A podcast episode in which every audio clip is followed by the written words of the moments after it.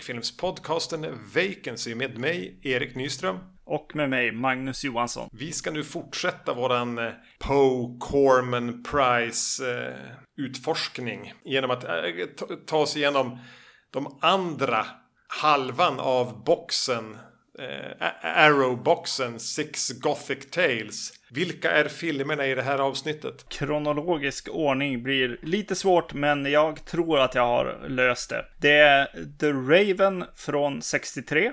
The Haunted Palace från 63 och The Tomb of Lygia från 64. Ja, men jag köper den ordningen. Det är nämligen samma ordning som jag har sett filmerna i. Yes. Är det någonting annat eh, som du har tänkt på sen eh, det förra avsnittet som du känner behöver komma med in i det här? Nej, jag, jag kommer nog med det faktiskt i, in i, i den här första filmen, The Raven faktiskt. För jag känner att den, den kopplar ju ihop avsnitten rätt bra. Där vi hade de två första filmerna som är ganska eh, lika varandra och på något sätt sätter hela paletten. För att sen hoppa in i, i episodfilmen som, som blandar och ger ganska friskt. Mm. Och, och det den gjorde var väl framförallt kanske att testa det här med att man kanske kan skoja lite med det här i, i grunden gravallvarliga koncepten. Mm. För The Raven det är fortfarande Mathison som har skrivit den va? Jo. Ja. Återigen inspirerad av, av den här Poe-dikten. är det väl snarast. Mm. Om, om, om en, en, en, korp som knackar på fönstret. Mm. Ur det har då Mathison spunnit en slags berättelse om Vincent Price, Peter Lorre och Boris Karloff som tre trollkarlar som, ska man säga att de är rivaliserande och duellerar lite grann och, och kivas.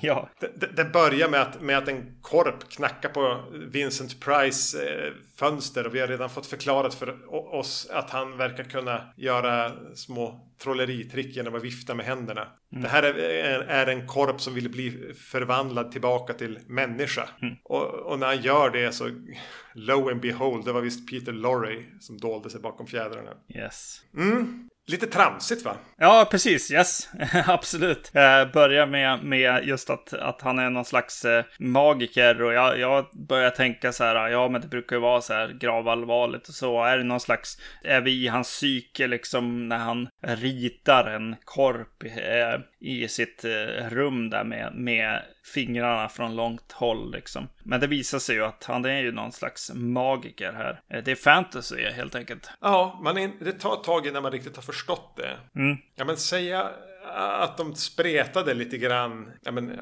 Tales of Terror spreta iväg. Mm. Men de är ändå i en samma Poe-universum på något sätt. Mm. Och, och, bara kanske väljer lite olika vinklar på det i slutändan. Men här är vi ju i ett annat universum. Det här är ju mer Harry Potter. Ja, även om Lenore, hans döda fru, svävar över historien. Eh, hon dog för två år sedan och eh, hon är ju på display, höll jag på att säga, i kryptan liksom som vanligt. Ja. Men eh, det är absolut någonting som är annorlunda eh, här. Och mycket lättare liksom. Ja, en komedi helt enkelt. Eh, som vi har att göra med. Det är lite lustigt att, att, att de ändå har kvar de där. Alltså det är som att, att Price ändå vet att jo men i min, mitt kontrakt med, med Corman så står det att jag ska ha en död hustru eller någonting. Ja. eh, och, och, och så bara Poe-arret släpar med. Så de avhandlar det ganska snabbt. Och, och presenterar även en dotter. Mm. Förstår inte varför det är så viktigt att den här dottern ska vara från ett tidigare äktenskap. Alltså det är inte Lenore, är inte mamma till henne. Nej, precis. Det är tydligen viktigt att etablera det. Jo, det kommer väl tillbaks lite grann så här bara för, för vilka eh, band eh, personer ska ha liksom. Det är för mm. att lätta upp liksom nästan. Ja. Vissa band. Ja, nej. Ja, ja, det är svårt när man kommer in i den här. När korpen dyker upp och börjar prata med Ann Eh, Eh, och kommer in. Och korpen gör en massa tricks i princip. Och Vincent Price hanterar den här korpen på olika sätt som, som ju uppenbarligen är, är liksom tränad och liksom till viss del då fastkedjad i vissa scener och sådär ser man, ser man lite vad det är, snören och grejer. Men eh, det är ju ändå imponerande här i början av filmen. Jo, särskilt när man då har i, i huvudet att det här var två veckor de hade på sig. Mm. Eh, men, men, men de drar ut den där scenen, liksom när han träffar korpen och pratar eh, och, och tjata och gnata med den här korpen.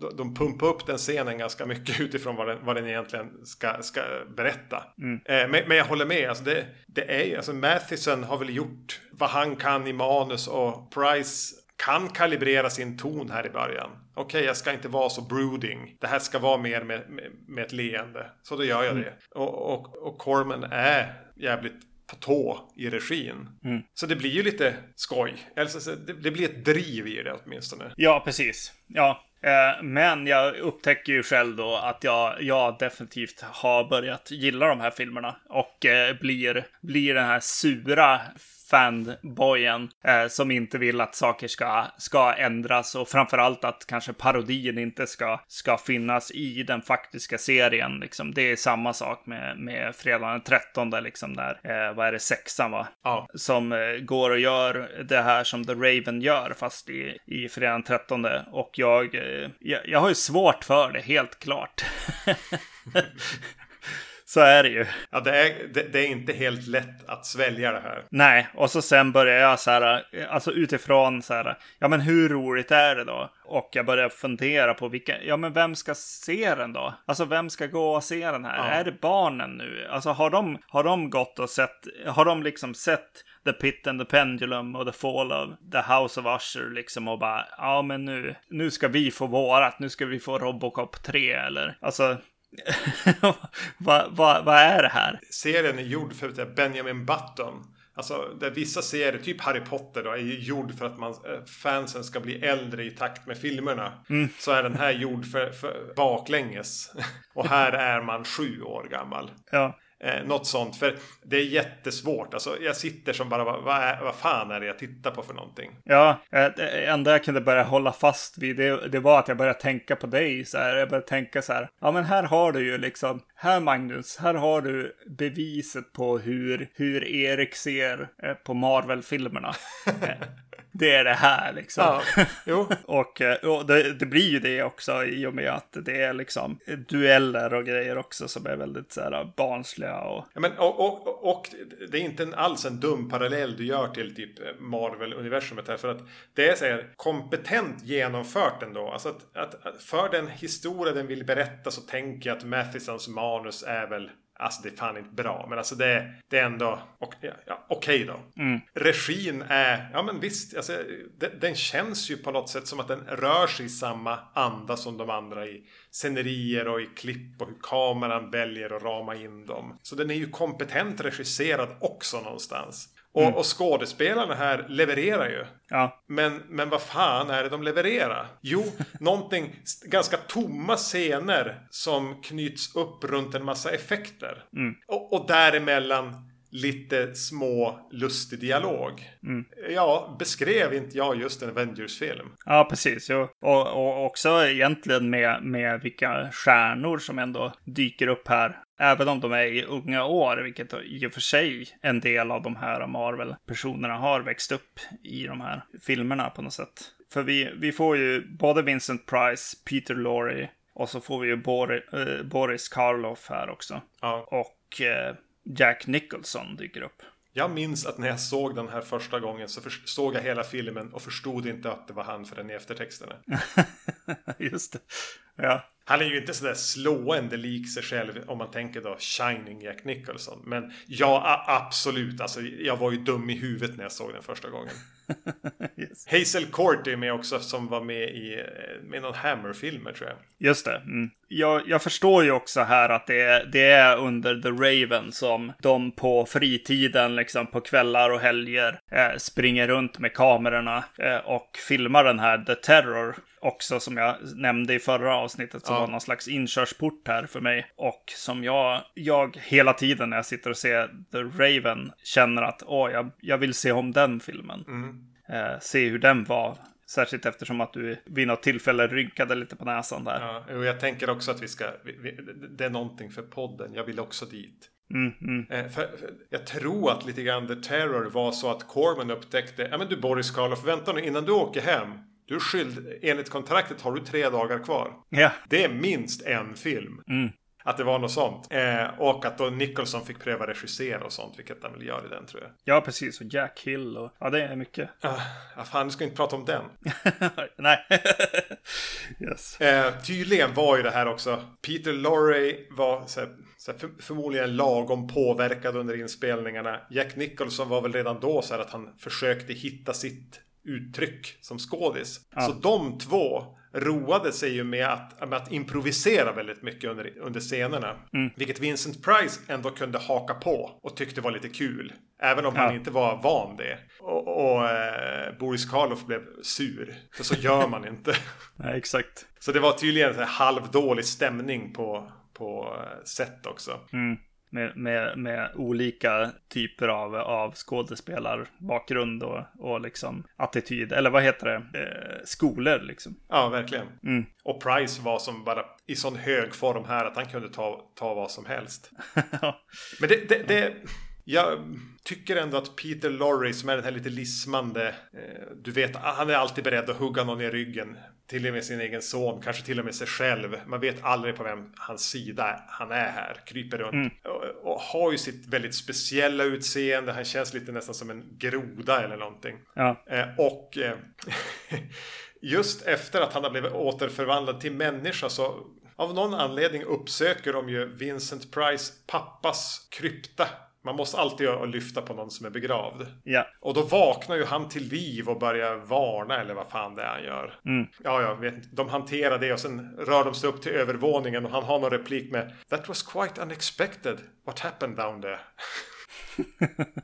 Som är en jätte, jätterolig replik. Ja, han behöver ganska mycket av den, ja, av den här eh, filmen. Särskilt kanske de roliga elementen. Liksom. Kanske att manusförfattarna och regissören inte, inte är helt vana vid, vid komedi. Utan han, han fick då dra en del här, helt klart. Are you defending yourself you coward? Något sånt där kläcker han också ur sig i någon trollkarlsduell. Just det, ja det är skitbra. Eh, men det är ju lite, alltså, så man får ju verkligen plocka ut. Jag tycker att det finns några kul repliker. Det går inte, egentligen inte att klaga på någons insats sådär. Även om Nej. Karloff är uppenbart ointresserad så har han tillräcklig pondus och, och, och liksom chops för att det fortfarande ska bli... Han fungerar ju. Mm. Eh, Och jag tycker om borgen. Eh, Det, det har gått från den här sten-mansion eh, som det var i de tidigare till här är det verkligen Draculas borg de, de uppsöker. Ja. Och det är också så här mysiga matte paintings och oska och, och dramatiska vinklar på den. Mm. Ja, alltså det är jättesvårt. Va, va, vad, skulle, vad, skulle, vad skulle Edgar Allan Poe ha sagt om han, om han fick se den här filmen tror du? det, här, det här är The Raven. Du vet din, ditt, ditt poem. Ja. nej, han kanske inte hade gillat den, nej. Men att om man ska göra en svit på, nu är det ju åtta filmer som sagt var. Mm. Vi kommer till de andra två någon gång. Så, så är det väl som okej att tramsa bort en av dem. Ja, man hamnar ju där. Det är ju så. Absolut. och en del gillar det, en del inte. Som jag. Ja, nej, så jag blir inte lika sur som du. Eller sur vet jag inte om det är, men alltså jag blir mer bara ja, ja. Alltså jag kan inte säga att jag gillar det här. Mm. Jag har lite svårt att hålla intresset uppe i de här lite för överlånga scenerna och fjanterierna, men visst. Ja, jag måste ju plocka bort det från, från allt annat liksom kring, kring den i sig. Liksom. Det är kul att se Jack Nicholson som den här sonen och jag tycker att han och Peter Lorre har kul tillsammans. Jag tycker ju att det är kul att se alla de här skådisarna tillsammans. Och till viss del så tycker jag även om, om liksom hur, de, hur de gör filmen och fotar filmen och sådär också. Men jag har svårt för det, helt klart. Är inte det här något, eh, något du ska se med din dotter alltså? Eller din yngre dotter kanske? Ja, i så fall det kanske. Ja, ja, Pröva den. Ja, fast fixa, skulle hon fixa engelskan? ja jo. Ja. ja, men då får det bli ett uppdrag. Mm, Nu ska du se film med pappa. precis. Se hur länge hon sitter kvar. Yes. Ja, nej, vad fan. Vi, vi hoppar. Mm. Och vi hoppar till anledningen att vi egentligen har tacklat den här boxen eller de här två avsnitten som vi gör nu. Precis. För efter vi hade sett, eh, eller skulle göra avsnittet alltså med Color Out of Space och eh, ja, gånger två. Eh, Die Monster Die hette den, den tidigare versionen. Så sa de, ja men vänta nu, visst, visst finns det en sån här Poe, nej vad säger jag? Lovecraft-filmatisering med Price och av Corman. Är det The Haunted Palace eller? Och då sa mm. jag, jaha, så du säger att du vill göra ett dubbelavsnitt med den boxen? Precis. Sen sköt vi in, sköt vi in det här Dr. Sleep däremellan. Så ja, det här är ju en Lovecraft-historia. Fast de har tagit ja. Eh, The Haunted Palace är tydligen en Poe-titel. Mm. Och nu vågar inte jag säga vilken Lovecraft-historia. Är det The Case of Charles Dexter Ward? Ja, precis. Yes. Eh, för den, jag tror den plockar lite grann också. Ja, det gör den. Men en, en åh, vad oförberedd jag var på att förklara vad den handlar om.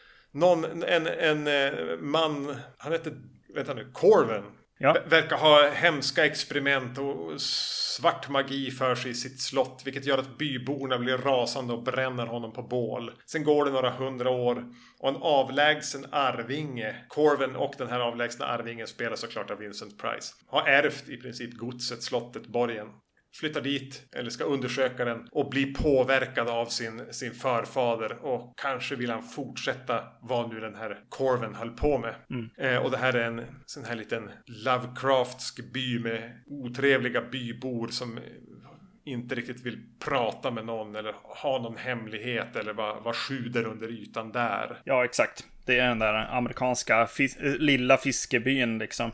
alltså som sätter ihop allting här. Det är liksom en liten, liten eh, fiskeby. Eh, det är Arkham för övrigt. Ja. Som den utspelas i med tung dimma i och eh, byborna är mest, mest inne. Och eh, det går, går runt mystiska eh, figurer liksom eh, i, i byn här. Eh, ganska snygg eh, start tycker jag. Alltså jag, jag, jag sugs, sugs med. Alltså redan, eh, redan först då i, i förtexterna så är det ju så här någon spi, eh, ett spindelnät så här som är helt mot svart bakgrund med, eh, med vitt spindelnät som är ganska få linjer liksom så här. Det är ett kors kanske eller, eller en tråd över, över skärmen och så går en spindel och börjar jobba i det här spindelnätet liksom. Väldigt trevliga eh, förtexter och, och musiken eh, sätter någon, någon ton. Att jag helt, jag, jag sitter helt plötsligt bara, åh, det här kanske är en ny, vilken är det? Ja, eh, Blood on Satan's Claw som jag blev så impad av för några ja. år sedan. Mm. Jag, redan i förtexten bara, det här kommer bli bra alltså. Och så sen klipper de liksom till, till den här lilla byn eh, med en, en båt i förgrunden som ligger liksom eh, lite snyggt placerad. Bara för att sätta att så här, ja du vet, Lovecraft. Ja, det, det hänger en sån här fiskenät liksom på tork på väggarna på, på de här små husen. Ja, precis. Och så sen går det då en, en, en kvinna i rött genom den här tunga dimman som ligger längs marken och försvinner bakom ett, ett hus och sen glider hon in i en, förbi en kyrkogård och, och in i det här döda landskapet som de har skapat för de här Poe-filmerna. Exakt. Det doftar eh, Eh, Mario Bava eh, möter liksom HP Lovecraft här. Ja, verkligen. Och de arga byborna som på något sätt börjar storma mot det slottet. Inledningen här, jag, jag håller med. Förtexterna. Det som ett, känns som ett så här maffigt klassiskt theme också. Mm. Exakt. Väldigt dramatiskt, lite romantiskt som bara dunkar på under hela det här. Eh, och, och den här början och så Vincent Price såklart dyker upp och ja, hela den här som utspelar sig i någon slags dåtid som slutar med att de släpar ut honom och sätter eld på honom. Är ju mm. majestätisk. Jo, precis. Och när de är, är där inne också, det blir alltså i borgen och, och visar ett, eh, ett liksom en, en offeraltare eller vad, vad tusan de är liksom. Ja. Allt är så här jättekontrastrikt med det blå, blått och svart. Mycket snyggt liksom. Mycket, mycket Bava-känsla där. Och hur de har fått den här dimman. Alltså, för den ligger inte som bara en, en så här jämn rökmaskinsmatta som, som döljer knä och neråt. Utan den är så här tjusigt fläckvis dimstråk utlagd över hela landskapet. Mm. Alltså det känns som det skulle vara CGI. Men jag, ja. de har bara, jag vet inte hur. Alltså de är jävligt bra dimmaskin. Ja. Eh, så jo, det är ju riktigt så här gotisk karamell inledningen. Mm. Och sen bränner de Vincent Price och skriver eh, 110 år senare på skärmen. Just 110. Ja, och då, har då, då kommer Vincent Price, eh, alltså Charles Dexter Ward eh, och hans eh, hustru dit och eh, ska ta över det här slottet och hitta det här slottet och byborna är, är arga och rädda. Och det som, som slår mig, bara faktamässigt, så börjar jag fundera på så här. Jag tror det är två historier i den här serien som har pratat om hur, hur man har skeppat liksom sten för mm. sten ett, ett gods eller ett slott liksom från eh, något eh, europeiskt land till USA. Exakt, jag tänkte också på det. Och bara, jag, det, jag tänkte jättemycket på det. Bara, Oj, vad svårt. Ja. Vad lång tid det ska ha tagit. ja, precis. Jag började, jag började googla så här, slott i USA och så här. Finns ju några tydligen. Jag, började också fundera på så här, men när utspelas den här på 1800-talet någon gång? Då har de alltså gjort det på, och när det utspelades, alltså så hoppar vi 110 år bakåt. Så vi är någonstans kanske i början av 1700-talet då den här inledningen utspelas. Och då är ju inte slottet liksom nybyggt. Så det, alltså vadå? 1600-tal? Ja. Det var ju Amerika ganska nyss hittat och de började, ja, nej, det kanske inte går ihop historiskt men jag blev bara fascinerad av tanken på det här med, med att flytta sten för sten. Men nu, nu, nu, har de väl gjort det säkert? Det har de säkert gjort ja. yes. Vi, vi väljer att tro på det. Ja, det Corman sa det. Exakt. Ja, nej men det är kul alltså. Jag, jag tycker det här är spännande. Jag, jag gillar ju att det är Lovecraft som, som dyker upp här i, i den här Poe-universumet. Och eh, de gör det med liksom bravur. Alltså de, precis som med Edgar Allan Poe som man misstänker liksom att, att alla, alla Edgar Allan Poes liksom eh, historier eller, eller liksom prosa Nej, men, eh, kan ju inte vara om, om liksom för tidigt eh, begravda till exempel och, och, och, så vidare liksom. Tematiken kan ju inte vara så hårt liksom. För tidigt begravda, det var ja. jävligt rolig svensk försvenskning. yes. Och eh, då... Förlåt. jo, och, och här känns det som att Lovecraft eh, får samma treatment liksom. Att, att vi, får, vi får känna av liksom alla de här gamla gudarna. Vi får den Necronomicon, eh, boken, vi får det här uh, Innsmouth, uh, Mouth, ja med de här... Uh, de vanställda människorna. Ja, precis. Uh, vid havet liksom. Ja, men de liksom gör en liten, liten ihopmixning här av, av Lovecraft. Och de gör det ju väldigt tidigt här också. De, de är i princip först ut här med att använda Lovecraft. Ja, det finns ju alltid någon som är före, men jag kan ju inte på rak arm säga att någonting är före. Nej. Corman sa ju det, alltså nu har vi gjort några Poe här. Lovecraft finns ju också. Mm. Jag vill göra en Lovecraft-filmatisering i det här, men i, det här, i den här kontexten. Och mm. det fick han ju göra, men då sa alltså hans producenter, de här Ark of Nicholson. Ja, ja, mm. men ta i alla fall en Poe-titel då. Yeah. Och därför blev det The Haunted Palace, vilket ju är en märklig titel på den egentligen. Mm. Men jag tycker ändå när, när de etablerar sig där, alltså i den här ganska Ja, men alltså det är en jävligt lovande premiss som sätts upp och hur, bara, hur det ser ut, hur det känns och att man ska få gegga runt i Lovecraft på samma sätt som, i, som, som man har fått bara frodas i Poe-mylla i de tidigare. Mm. Så tror jag det märks att, att Matheson har fått uh, gå vidare till andra uppgifter. Mm. För här är det en annan, annan manusförfattare. Visserligen någon sån här Poe, nej vad säger jag inte Poe, Poe, Corman. Det är säkert samma person. De är ungefär jämngamla. Hade, hade Poe leva idag så hade han varit yngre än Roger Corman är idag. Eh, nej men Charles Beaumont heter han det. Men han skri har skrivit en del andra Corman-filmer. Han är ju inte lika bra. Nej. För jag tycker att när vi kommer in i den här, när vi har som presenterats klart för, för det här Arkham och, och konceptet och eh,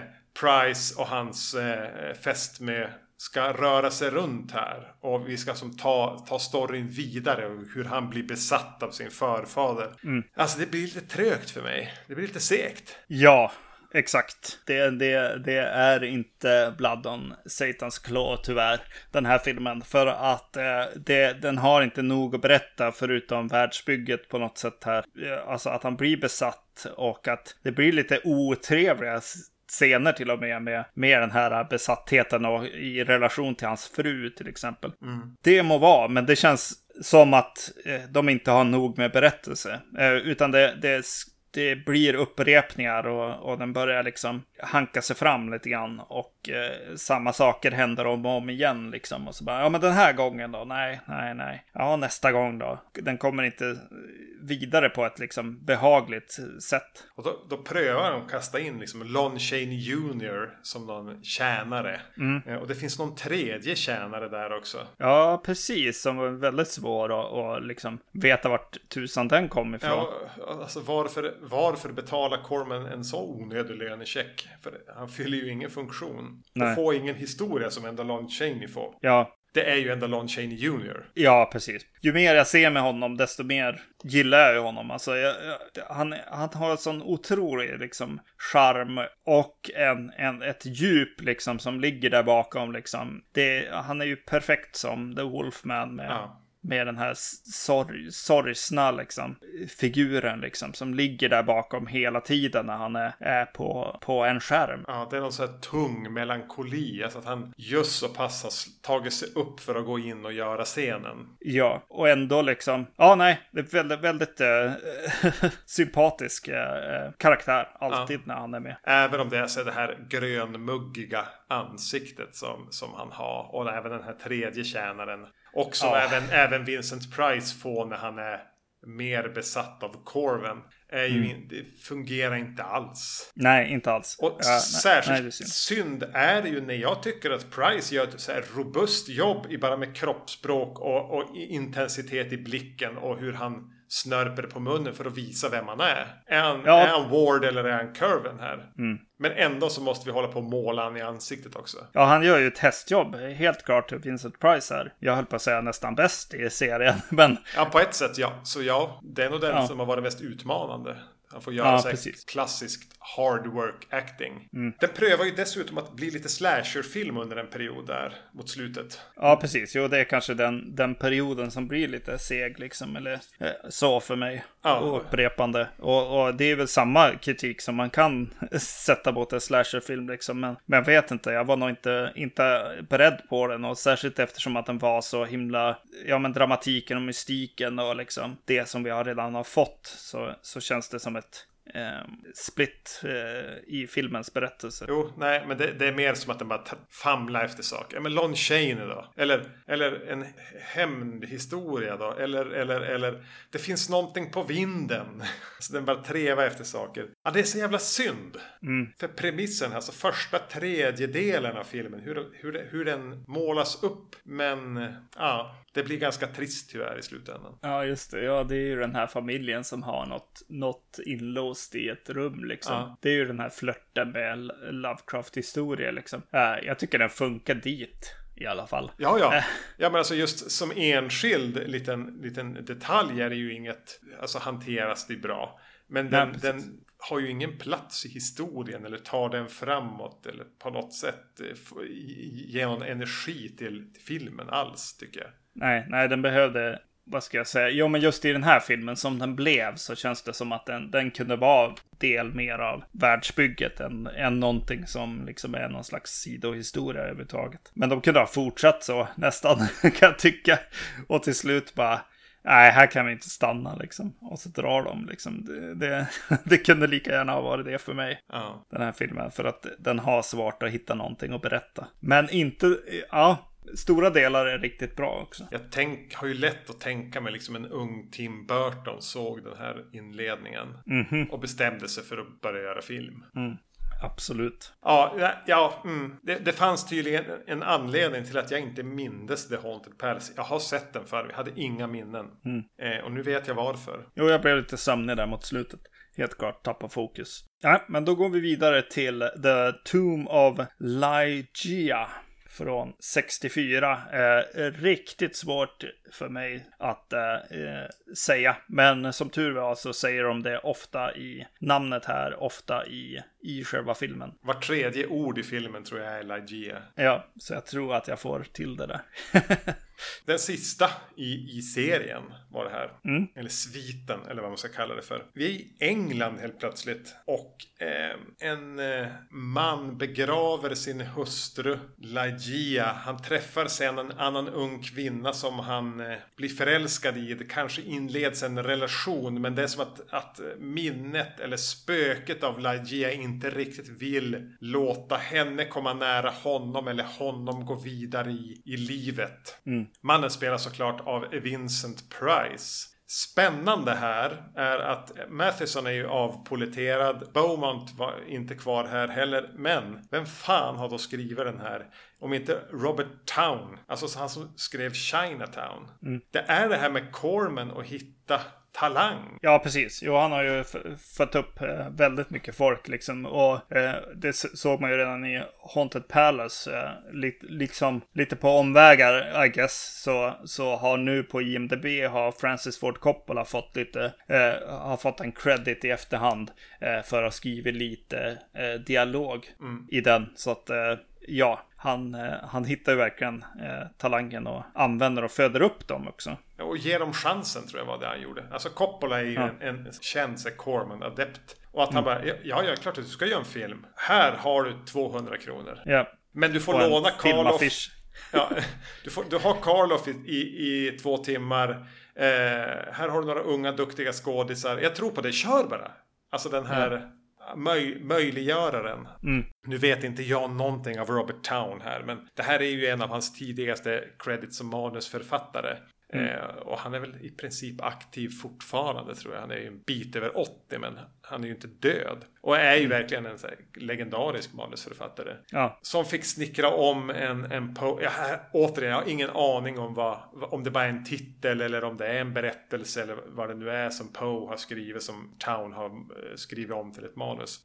Det, det är som att Town har tagit fasta på, på, på, det, på att det här är litterär förlaga. Den börjar ju med Lygias begravning där Vincent Price då är så här brooding som han alltid är. Och ja. men, är döden slutet? Bla bla bla. Och någon präst säger att, att hon, den här kvinnan kan vi inte begrava. Hon var ju inte, alltså begrava kristet, hon var ju inte en sån. Eh, Och det mm.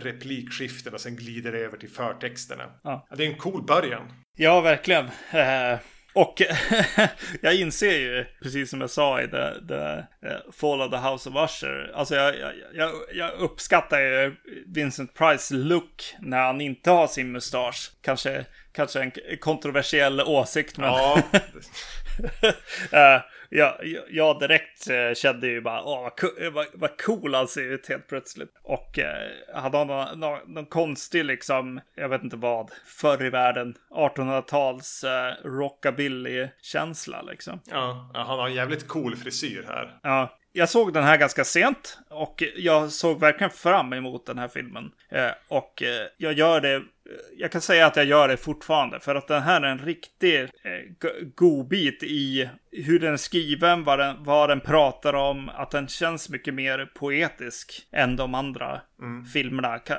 Och även då kanske lite mer flummig. I och med att jag inte hade helt full fokus mellan varven liksom. Direkt jag tittade bort eh, en liten stund så tappade den bort mig, ska jag säga. Jag med, jag med. Jag var tvungen att backa och se igen. Två gånger. Ja, Den är ju den, den eh, svåraste av dem. Den som ställer mest krav. Den, den har skruvat ner både camp och kitsch och allt sånt där. Och vill leverera en historia. Och den har lite poetiska anslag. mm. men ja. Och de är utomhus. De är fan utomhus hela tiden. Ja, precis. Och de är inte, det är inte låtsas, alltså det är inte det här landskapet som vi har varit i ganska mycket.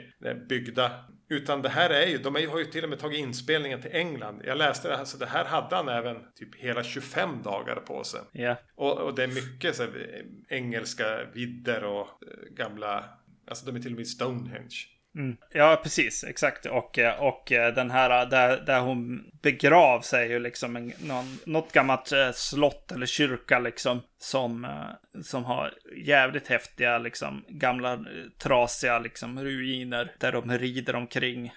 Och där hennes grav är belägen mycket trevlig liksom, öppning i lite mer dagsljus. Ja, det är väldigt mycket dagsljus, men när det ska vara mörkt så är det mörkt också. Ja, det var det också i Haunted Palace. Jag vet att jag efterlyste det i någon Pit and the Pendulum eller om det var House of Usher. Ja, men när det ska vara mörkt kan det inte få vara lite mörkare? Och här har, alltså både i The Haunted Palace och i Tomb of Lygia har ju Corman kommit på att man kan ljussätta på, eller det får finnas en svärta helt enkelt. Mm, mm. Det är till och med så här stor spektak spektakulär rävjakt. Mm, just det. Som den öppnar med där. Ja, gå, jag tror den går till det från ganska snygga förtexter också med så lite tunga målningar. Snygga målningar. Mm. Så kommer den rakt in i den här ganska, kameran åker med och de rider och hoppar och en räv springer. Eh, ja, sådär. Men och det var skönt att bli påmind hur mycket jag bara hata jävla rävjakter. Ja, verkligen. Jävla brittiska överklass-as. Mm. Jaga varann istället. Exakt. Och med alla de här hundarna också.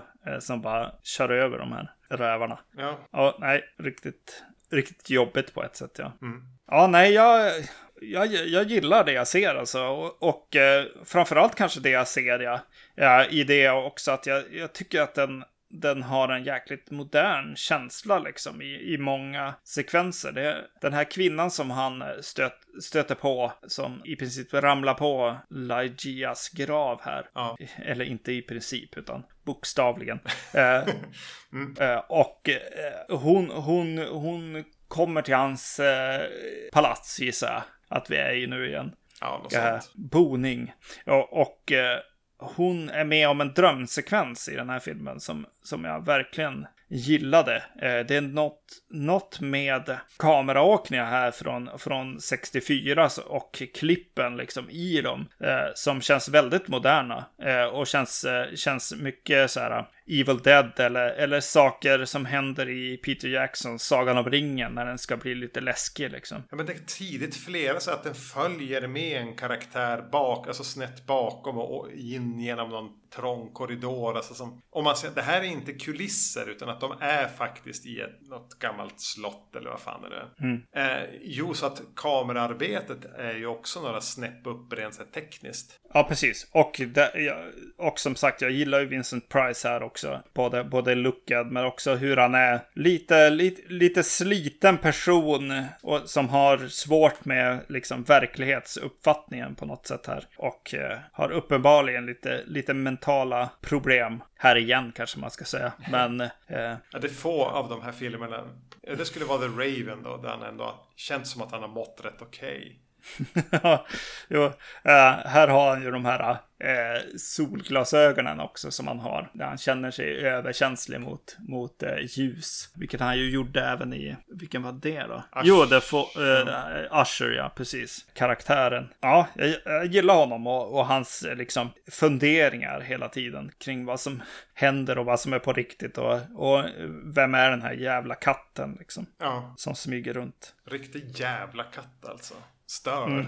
Jämt. Men den, har, alltså den höjer liksom ambitions och lite abstraktionsnivån så att de låter Men de låter den här Rowena heter hon, den kvinnliga protagonisten Som var på e- något upptåg och då låter de en eh, dialog eller kanske mer en monolog från Price ligga Alltså ljudet från det ligga över när hon är och följer efter den här katten Ja, Eh, Att den får bli lite mer komplex på så sätt. Den är inte lika rak och enkel och, och liten. Utan de, Corman försöker sig på svårare saker här. Och lyckas ändå rätt bra. Ja, den, den sekvensen är helt klart eh, minnesvärd och eh, spännande, bra gjord för, för den här typen av historia med liksom så här tankar kring eh, dubbelgångare eller liksom eh, folk som eh, liknar varandra eller kommer, ko, återkommer i cykler eller och folk som inte vilar i, i kistan. Ja. Det är snyggt och häftigt liksom.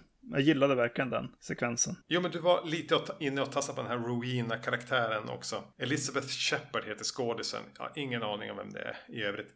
Men äntligen är det ju ett rimligt kvinnoporträtt i den här sviten. Mm. För här är det ju faktiskt en som, som är, har någon agens. Hon gör någonting. Hon är, släpas inte bara runt eller blir utsatt för saker eller eh, har en funktion. Utan hon, hon driver ju historien framåt med sina avsikter och har mm. sin egen vilja. Och det är lite skönt att se. Mm. Hon är ju egentligen huvudperson. Ja. Hon har, alltså det är ju all, alltså Price är ju alltid där. Liksom. Är, man har ljud, man har bild och man har Price i de här. Och sen, ja. sen har man resten. Mm. Ja, hon, hon, hon matchar ju honom också tycker jag. Ja, det tycker jag absolut. Yes. Det är inte så lätt att stå upp mot den där jävla kärnkraftverket som är så jävla inspirerad och har så jävla roligt här hela tiden. Men mm. hon, hon matchar ju honom i, i flera scener. Ja, absolut. Eh, och, ja, men du var inne på den, den här drömsekvensen. Alltså det, de väver in och lite luddigt om hypnos här. Det kommer lite från ingenstans, känns lite nödgat. Ja. Men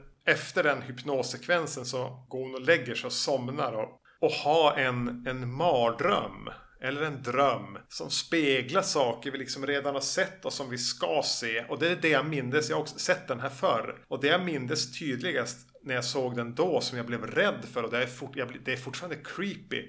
Det är hur den börjar med att hennes här, vad heter det, typ så här kammarjungfru eller någonting. Kommer med en bukett blommor till henne. Mm. Och när hon tar emot dem och så tittar hon upp på kammarjungfrun så börjar hon göra alltså, en sån här otäck min. Ja. Och jag minns när jag såg det första gången och jag var inte beredd, jag visste inte var jag var. Så, så jag bara, det här, det här är för otäckt. Ja. Jag var inte beredd på det här i en film från 64. Och sen, och sen kommer ju som en förklaring att det var nästan en profetia och ja. Det blir lite som i Twin Peaks med jätten som berättar saker som eh, There's a man in a smiling bag grejen och så ser han det och så förstår han att den här drömmen har, har en bäring. Det är lite mm. så när hon får se den här kammarjungfrun igen och förstå vad den där med blombuketten var. Så förstår hon att, att det hon drömde har bäring i verkligheten. Ja. Mm. Jävligt snyggt. Yes. Eh, bra drömsekvens för övrigt. Ja. Eh, det är lite roligt det här. Hela tiden genom de här filmerna så, så återkommer ju liksom både, både tagningar, eh, specialeffekter framför allt. och det är roligt att vi får, får i den här liksom något slags avslut som ändå ändå startades där tidigt. Liksom. att man får se samma tak där till exempel som, som jag nämnde i förra, eh, förra avsnittet. Rasa in igen, brinnande Ja, taket. precis. Mm. Och vad var det vi har checkat av här? Eller vi har inte riktigt gjort det i det här avsnittet, men jag kan ju säga att vad det, både vingla röda vinglasen och de röda ljusen har gjort sig påminda väldigt mycket eh, i, i de här filmerna. Här är det även blå ljus. Eh, exakt. Det är lite kul att, att i den här filmen då, då kommer vet du, blå och någon slags grön, turkosa och lila ljus istället. Och i den här lite mer eh, poetiska utom eh, historien som är liksom mellan i gränsen mellan verklighet och, och fantasi på något sätt. Ja. Eller dröm och verklighet. Det är som att det, det, är som en ståndpunkt nästan. Ja, men vi ska inte ha de röda ljusen. Nej, exakt. Ja, nej, jag, jag gillar den här filmen. Jag kommer säkert eh, gilla den ännu mer om jag ser om den. Det är det som jag, jag, jag är lite besviken på mig själv. Att, att jag inte riktigt hängde med eller, eller hade orken att, att bara sätta mig och, och verkligen ta in den här filmen. Ja. Så eh, det, det, det kommer jag återvända till. Eh, särskilt med tanke på att du i förra avsnittet sa att vi skulle, skulle sätta de här i någon slags rangordning mm. här på, mot slutet av avsnittet. Så blir den här, det här lilla misslyckade eh, titeln på den här filmen lite, lite synd. Men jag tyckte det var riktigt, riktigt fräck eh, rulle mm. ändå. Eh, och jag gillar ju också den här, vi, vi har nästan inte nämnt det, men att, att det finns en röd tråd med, med den svarta katten också genom filmen. Mm. Som slängs runt en hel del här. Jävlar vad den här katten får hoppa runt och kastas runt. Yes. yes. Eh, ja. Jo, alltså jag, jag, jag, vet att när jag såg den här första gången var jag helt golvad av den. Nu var jag, alltså jag tycker verkligen om den, det gör jag. Jag var inte lika, alltså för då visste, då var jag lite oförberedd på den. Mm. Nu kanske den har halkat ner något snäpp. Och att jag tycker inte riktigt att den tar ihop allting i slutet som jag skulle kanske önska. Men lite humör också tror jag. Eh, det tror jag absolut. Det här är en humörfilm på mångt och mycket. För här är det inte som det är i, i Pendulum eller Usher att man kan. Det finns några träbockar som stör eller att vissa replikskiften mellan någon av de kvinnliga karaktärerna och träbockarna bara är så stendöda döda eller att, att de har vispat upp skum. Att här finns det en ambition hela vägen igenom. Det är välspelat på en helt, från alla håll på en annan nivå. Det är genomtänkt mm. på en annan nivå. Kanske att det förtar lite av den här nollbudget-charmen. Utan det här blir nästan någonting annat. Den här rör sig nästan utanför. Mm. Det här känns ju mer som att den hör hemma i något, någon sån här brittisk one-off. Alltså Blood on Satans Claw-universum. Ja, precis. Ja. Eh, men, men, ja, ja, ja. Mm. Ska, vi, ska vi ge oss på och ranka de här filmerna? Det tycker jag. Ja. Har du, har du gjort någon, någon slags ranking där? I huvudet har jag väl det. Ja, jag har lagt dem på en, på en hög här ja. I någon slags rangordning. Ja, men vi vet ju vilken du kommer ha som, som sista film. Så du, vi kan ju börja där då. Du kan börja med den. jag har, ja, jag har The Raven eh, i botten på den högen. För att eh, ja, jag, jag har svårt för, för det här med, med komedin i något som jag, som jag ändå ser som en serie. Och då jag kanske ska nämna det som, som serie i allmänhet så, så gillar jag det här otroligt mycket. Mm. Eh, jag tyckte att, att, att det är en riktigt kul svit av filmer, helt klart. Kommentaren på The, The Raven är väl att jag kan, jag kan förstå att de, de känner att så här, ja, det här det blir, det blir samma sak om och om igen med samma kulisser. Eh, så jag kan förstå att de, de försöker röra runt lite där med antologifilmer, med eh, komedi och eh, en, en Lovecraft-historia där. Men den är ändå i botten. Ja, men det är den. Jag sätter den ju också där såklart. Var femte minut så bara, vad fan sitter jag och tittar på? Varför tittar jag på det här? Mm. Det här behöver man inte se. Eh, nej, det, det, är för tramsigt. Det är en barnfilm. Eller den har ingen målgrupp alls. Nej. Eh, även om det går att beundra detaljer i den som skickligt genomfört. Men nej, nej, nej, nej, nej, nej. nej. Vi går vidare. Vad va, va har du då? Vad blir det då? Så här, femte plats? Ja, i och med att, att äh, det mesta kommer att ligga väldigt nära varandra här. Ja. Så kommer antologifilmen The Tales of Terror som andra plats där. Eh, för att den har framförallt en riktigt bra historia, en trevlig historia och sen en som jag redan har glömt. Är, är det den med Peter Lorre igen? Nej, men den, eh, jag tror att det är den jag tycker är lite så här småtrevlig. Ja, då är det den Valdemar-grejen när Vincent Price blir hypnotiserad. Det är den där trista saken. Mm. Ja, exakt, exakt. Det är den ja. Eh, jag, jag, jag sätter nog ändå eh, Haunted Palace på, på plats fem. Mm. Och det är för den här dvalan den hamnar i under eh, andra och tredje delen. Alltså första tredjedelen är jävligt bra. Mm. Men sen somnar ju hela filmen. Ja, eh, och i princip den som tittar också. Ah. Jag var då nära i alla fall. Ja, tyvärr. Ja, jo, det är sant. Den var jag tvungen att dela upp faktiskt. Jag hade så en kvart kvar. Nej, det här mm. går inte. Det här går inte. Jag ser det färdigt sen. Trist, för den har mycket för sig rent eh, visuellt. Mm. Så jag, den är väl på femte plats för mig. Eh, och då fjärde plats är The Haunted Palace för mig då. Eh, och det är väl för att den charmar mig så pass mycket med, med sina, sin setdesign och sin Lovecraft-flörtningar där i, i början. Jag kanske håller till och med lite längre än dig in i filmen. Men ja, jo, jag kan eh, absolut. Eh, kunde lika gärna ha swappat de två. Ja. ja, jo, det är lite så för naturligtvis har jag Tales of Terror på, på plats fyra. Och det är ju enbart för den här första morella historien. Mm. Som jag tycker är en sån jävla fantastisk så här, två, alltså nästan en teaterpjäs. Alltså de bara kokar ner allt som är alla de här filmerna till 25 minuter och bara vrider upp det till 11. Mm. Jättemörkt. En riktig jävla 25 minuters pärla. Svår att ha i en antologifilm för den, för den är så stark i sig själv på något vis. Men den skulle vara konstig att ha stående ensam också. Ja, den udda, ja. udda liten sak som är helt fantastisk. Helt fantastisk. Ja. Eh, och det, resten kan man ju skippa. Och, och egentligen, ja, kanske man kan skippa den filmen. Men nej, för den här är så pass bra. Men, men den, den blir en så snedbalanserad antologi på så sätt. Ja. Tre för dig, vad är det? Ja, eh, precis. Det här blev lite, lite jobbigt. Eh, för här, här ligger det Tomb of Lygia för mig just nu. Och jag, jag vet eller jag känner mig, känner på mig att den här kommer, kommer klättra kanske åtminstone en placering vid en andra titt. Men eh, just nu ligger den där. Eh, de här tre, tre sista är, är riktigt eh, trevliga liksom. Mm. Ja, jag har den också på plats tre. Jag tycker inte riktigt att de får ihop slutknorren. Det är väl det som stör mig. Men jag kan uppskatta att de prövar ett mer ambitiöst anslag och öppna upp den och åker till England och, och ha sig. Mm. Mm. Den behöver, mm. alltså sviten behövde väl det vid det här laget. Ja. På andra plats eh, har jag The Pit and the Pendulum. Ja, bara bra. Mm. Det, det, är bara bra. yes. ja, men, ja, men jag, är på samma, jag, jag har satt Usher där. Eh, ja. Men jag tycker att de här två första. Alltså man ska se dem tillsammans. Man ska se dem efter varann. Spelar ingen ja. roll egentligen vilken du ser först. För de är på något vis alltså nästan en tennismatch med varann. De återanvänder, det är väl bara Price som skådis men begrepp, tematik, klipp, scenerier, ljus, allting. Alltså de, det är en sån jävla macka alltså, de här två. Mm.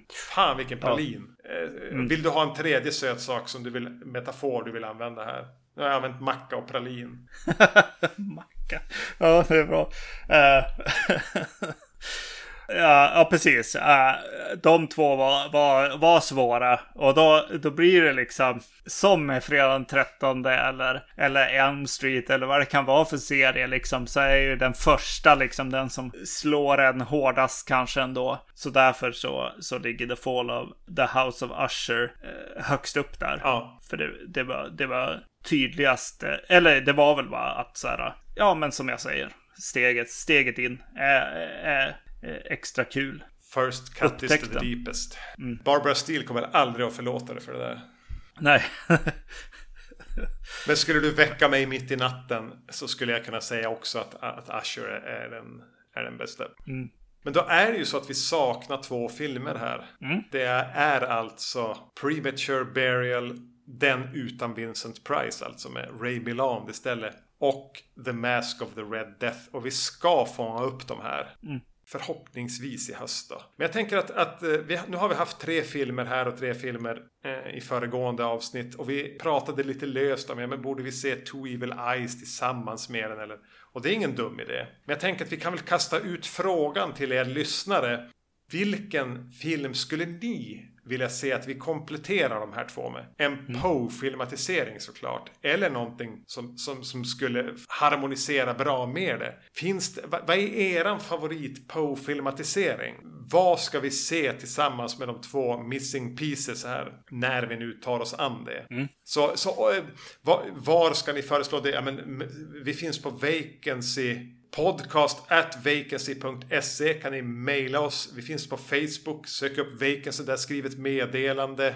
Eh, ni kan söka upp mig på, på Instagram. Jag heter Erknium och skicka ett meddelande till mig där. Vad heter du? Jag heter Zombie-Magnus där. Så, så kom med förslag på era favoriter av Poe-filmatiseringar som vi borde ha som den tredje filmen när vi kompletterar den här sviten. Vilket jag, jag kommer ju inte riktigt att sova gott förrän vi har gjort det. Mm. Men det var jättekul att äntligen få, få tvinga dig igenom det. Ja. Att det, ja, någonstans visste jag väl att du ändå skulle, alltså inte hata det. Nej, precis. Ja, det är bra. Och boxen, eh, alltså Arrow Six Gothic Tales är ju, eh, ja, det, det, den ska ju stå i varje filmsamling på något vis. Även om inte alla filmer är superbra. Jag fick den här pappa i julklapp för en massa år sedan. Härligt. Ja, verkligen. Det, det är fan en julklapp som heter duga. Mm. Nästa avsnitt Ja, precis. Eh, eh, vi, vi diskuterade vad vi skulle se och sådär. Och eh, om allt går, går som det ska så kommer vi vara i samma, samma stad då. Och eh, vi kom inte fram till någonting. Eller så här. Eh, du bad mig komma, komma med förslag. Och när vi väl började pra, prata om det så sa du, nej vi tar det i podden. Eh, så jag har tre förslag här som du får bestämma. Mm. Eh, ena är ett som vi redan har pratat om. Vi ska göra det. Det kommer när det kommer. Det kan lika gärna vara nu. Eh, och det är den här eh, Philip Ridley, filmskaparen. Ja, mm. jag vet vad du menar. Som är tre filmer. The Reflecting Skin, Heartless och The Passion of Darkly Noon. Mm. Sen är det ett Eh, en eh, fi filmskapare här som heter eh, José Ramón Larraz. En double feature. En film heter Emma Puertas Oscuras och filmen Estigma. Ja. Ja. Ladas vet ju vem det är, men jag har ingen aning om vad de där filmerna är. Ena handlar om en kvinna som är med om en trafikolycka och hennes hjärna blir eh, illa därhän. Och eh, hon börjar eh, mörda verkar det som. Ja. Och den andra eh, så tas vi in i, vad står det här? We are taken into a world of evil and depraved actions.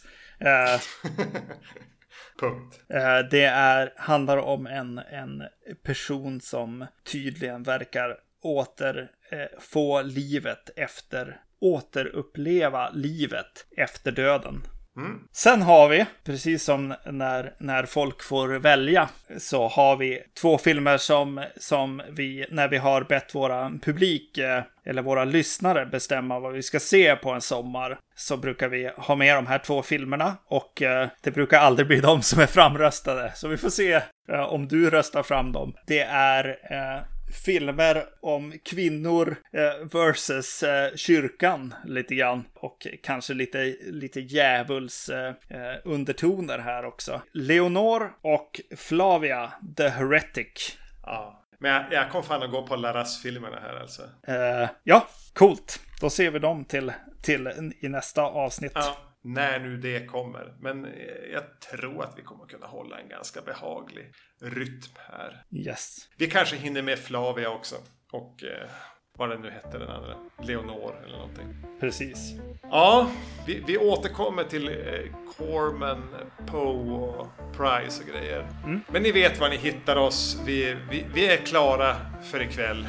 Tack Yes. för att ni lyssnade. Hej! Hej då.